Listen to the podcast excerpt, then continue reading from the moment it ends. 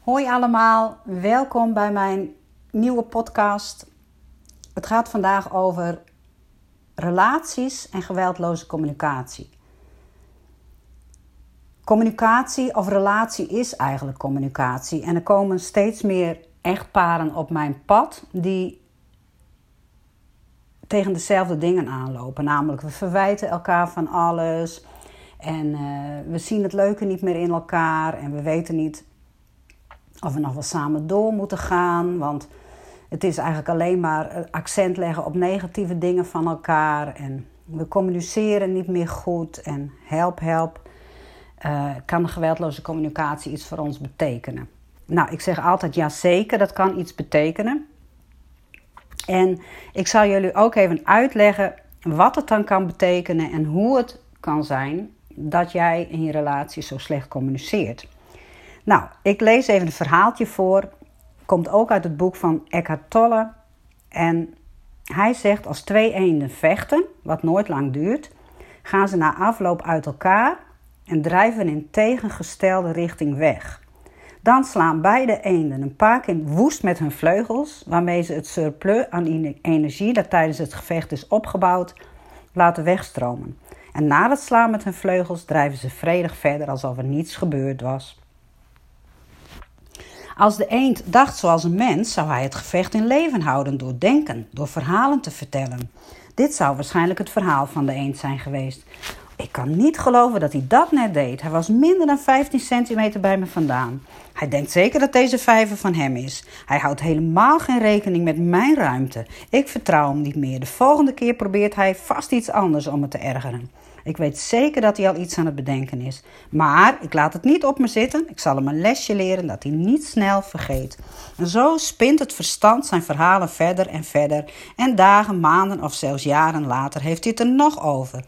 Dus voor het lichaam is het gevecht nog steeds aan de gang. En de energie die het opwekt als reactie op al die gedachten, dat is emotie. En die op haar beurt weer gedachten opwekt. En daar heb ik het gisteren over gehad. En dat wordt dan het emotionele denken van het ego. En je ziet hoe problematisch het leven van de eend zou worden als hij net zo dacht als wij mensen. En werkelijk heel veel mensen die leven zo de hele tijd. Geen situatie of gebeurtenis is ooit echt, echt afgelopen. En het verstand en het door het verstand gemaakte ik en mijn verhaal houden het aan de gang. Je hoort ook heel vaak mensen zeggen: ja, maar toen deed hij dat ook al. En twintig jaar geleden zei hij. Nou, wij zijn als een soort van verdwaald. En we zouden dus heel veel kunnen leren van de natuur, van, van een bloem, van een dier. Belangrijke dingen kunnen we leren van een poes, die bijvoorbeeld heerlijk in het zonnetje gaat liggen als die schijnt. En die even van zich afslaat als die ja, in angst is of als er iets op hem afkomt wat hij niet helemaal vertrouwt, maar dan weer gewoon verder slaapt. Dus de les van onze eend is Sla met je vleugels. Wat je kunt vertalen met zet het verhaal van je af en keer terug naar de enige plaats waar je sterk bent, namelijk het huidige moment. In de geweldige communicatie is het zo dat je nooit iets ouds inbrengt in het hier en nu. En dat vind ik zo'n mooie regel, dus als mensen mij hun verhaal vertellen over hun relatie, over wat hun, hun man toen deed en toen, en waar ze toen samen tegenaan liepen, en dat de vrouw de man niet steunde, of dat de man uh, zijn eigen gang constant ging en geen rekening hield met haar, dat soort dingen, dan vraag ik altijd: hoe is het nu voor je dat je man dat toen deed? Want alleen in het hier en nu kan heling optreden. En je kan dus niet helen door alsmaar verhalen te blijven herhalen. Dat is net als, als hè, vroeger, dat je, dan had je dan een, een soort langspeelplaat en die, die naar vastliep. Nou, zo, zo is het ook vaak met onze gedachten. We gaan maar door en steeds dezelfde gedachten, emoties en weer gedachten. En zo houden we dat continu in stand. Dus eigenlijk ben je ja, een slaaf of een gevangene van je verleden. En ik teken dan ook wel eens twee tralies met twee poppetjes erachter. En zo ben je dus aan het vechten als stellen tegen elkaars pijn. Ja, en dat is echt, echt zo zonde. Want dan betaalt je partner de rekening die eigenlijk voor je ouders bestemd is. En ja, als mensen zich dat meer bewust zouden worden, dan zouden ze bij zichzelf naar binnen gaan en beseffen dat dat wat ze nu projecteren op hun partner, dat dat iets ouds is wat nog heling nodig heeft. En het mooie is dat dat alleen in het hier en nu kan. Er is altijd een helende energie beschikbaar. En hoe doe je dat dan? Die helende energie aanroepen of er laten zijn? Of die gebeurt dan gewoon, net zoals jouw denken gebeurt, jouw emotie gebeurt. Hoe gebeurt, hoe creëer jij de helende energie? Door empathie. En empathie is de grootste kracht die je kunt inzetten in het begeleiden van mensen met relatieproblematiek. Of eigenlijk is het gewoon een communicatieprobleem. Want zoals ik net al zei, relatie is communicatie. En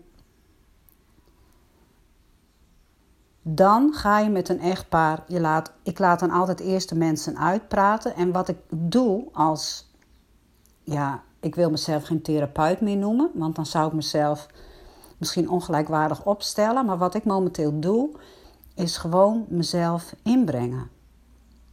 En dat doe ik niet als uh, iemand zegt van ja, ik heb uh, twee kinderen van, van 6 en 8. Dat ik zeg ja, ik heb een zoon van 26. Want dat is niet ter zake doende. Maar dat doe ik wel als ik dus zelf iets voel. Dus als een vrouw bijvoorbeeld tegen haar man zegt, of een man tegen uh, zijn vrouw: Ja, je blijft alleen maar bij me omdat je voor me geldt. Nou, dat raakt mij dan heel erg.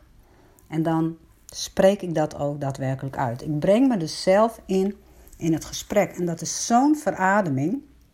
En wat ik dan eigenlijk alleen doe, is zeggen wat het in mij raakt en welke behoefte daarmee niet vervuld wordt bij mij. En meestal gaat het over een behoefte aan respect, ook voor mij.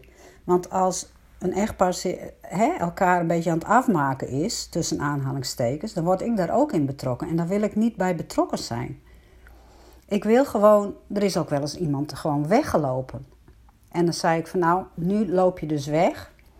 Maar het is misschien ook het proberen waard om uit te spreken wat jij nu voelt. En wat jij nu nodig hebt. Nou, hij zegt ja, ik ben gewoon woest. Ik ben gewoon zo woest en ik heb gewoon respect nodig. En toen konden we weer bij elkaar komen. Want die vrouw die had nodig dat ze gehoord wilde worden. En hij had dus respect nodig. Want soms kan het zijn dat je partner met hele goede intenties iets zegt wat voor jou misschien overkomt als kritiek.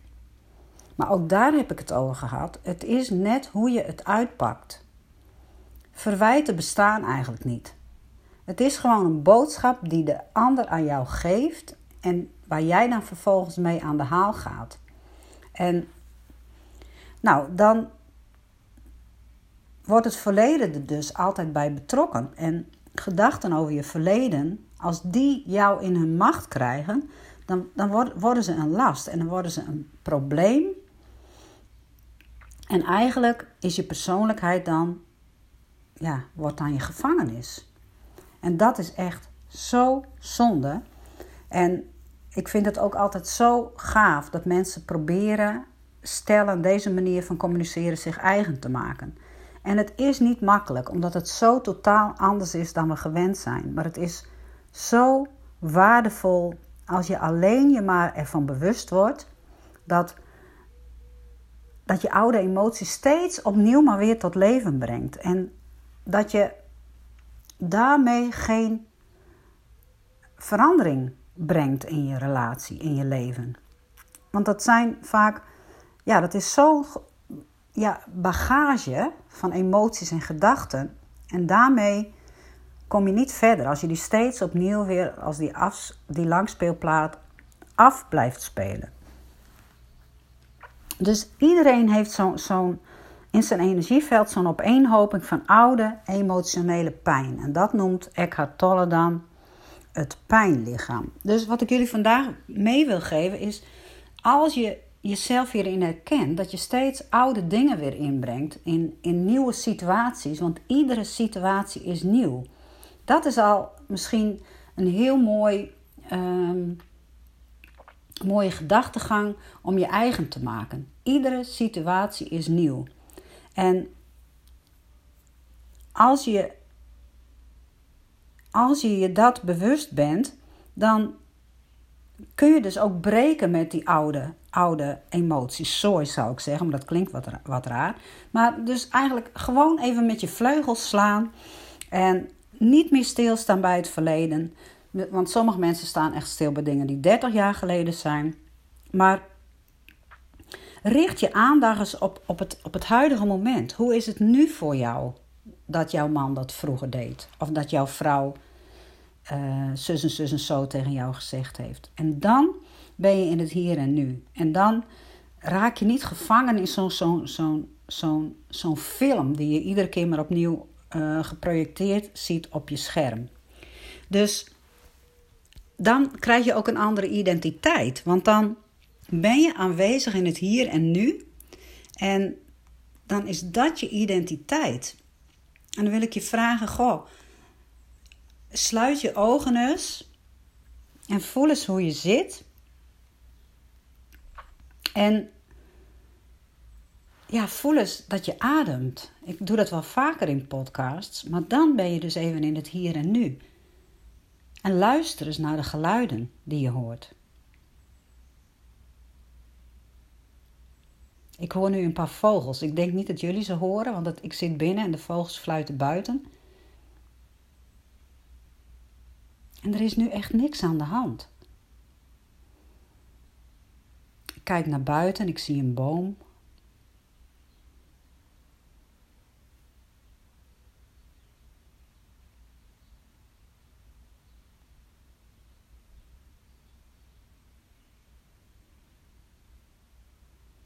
En als je zo steeds je aandacht weer richt op het hier en nu.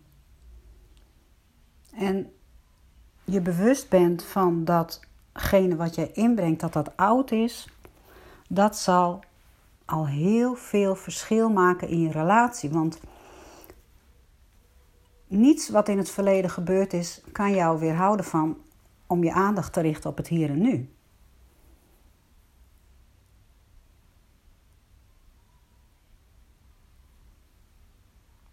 En weet je als je kinderen hebt en je zit dus in dat pijnlichaam, zoals hij dat noemt, dan vinden dat kinderen dat echt overweldigend. Dat, dat het enige wat ze kunnen doen is ze proberen niet te voelen. En ja, als er niet een volledig bewuste volwassene bij hen is, dan is dat dus de enige mogelijkheid die het kind heeft. Dus daar leert hij al af om te voelen. En dan heeft hij later weer tig jaren therapie nodig om weer te leren voelen.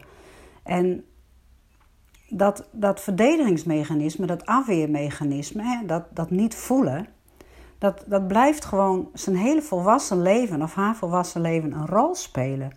En die emotie blijft doorgaan. Hè, bijvoorbeeld angst, woede, uitbarstingen van geweld, slecht humeur. En, en, en, en, en deze gevoelens die je kind nu moet wegstoppen, die saboteert later zijn of haar relatie. Dus het is waanzinnig belangrijk dat je eraan gaat werken al voordat je kinderen hebt. En ik, ik heb nu binnenkort ook een gesprek met, met een echtpaar die, waarvan de vrouw zwanger is en die willen eerst nog wat opruimen uit hun verleden voordat ze het kindje krijgen. En dan denk ik, yes, daar word ik zo blij van. Maar het is natuurlijk nooit te laat om hiermee te beginnen. Dus ik zou zeggen, wees je ervan bewust dat je oude dingen inbrengt als je dat doet. Hè. Probeer je ervan bewust te zijn. En schud even met je vleugels als je dat doet. En ga steeds terug naar het hier en nu. En ook als jouw partner jou een boodschap geeft die voor jou overkomt als kritiek, ga dan eens kijken vanuit welke intentie die, die partner dat inbrengt. Dus vanuit welke behoefte. Dus het voorbeeld wat ik net bracht, die vrouw wilde gehoord worden en die man die wilde gerespecteerd worden. Die wilde niet dat zij hem uh, ja, afmaakte, zeg maar, met taal. Want dat is geweldige, gewelddadige communicatie. En ik zat daarbij en ik bracht ook in wat het met mij deed. En dat, en als je dan merkt dat sommige, soms zitten volwassenen zo verstrikt in hun partners, zo verstrikt in hun oordelen op elkaar, dat ik met mijn manier van voelen uh, hem bewust kan maken wat het eigenlijk doet met de ander. En dan merk ik ook dat mensen meteen in hun hart gaan. En dus als je denkt dat je als begeleider of therapeut jezelf niet mag inbrengen. Nou, ik, ik heb nu geleerd, dankzij de geweldloze communicatie, dat dat wel mag en dat het juist versterkend werkt. Nou, ik zou zeggen, als je een relatie hebt, kan natuurlijk ook de relatie met jezelf zijn, maar als je een relatie hebt en je betrapt jezelf op dit soort dingen, denk dan even aan deze woorden uit deze podcast. Een hele fijne dag. Doeg!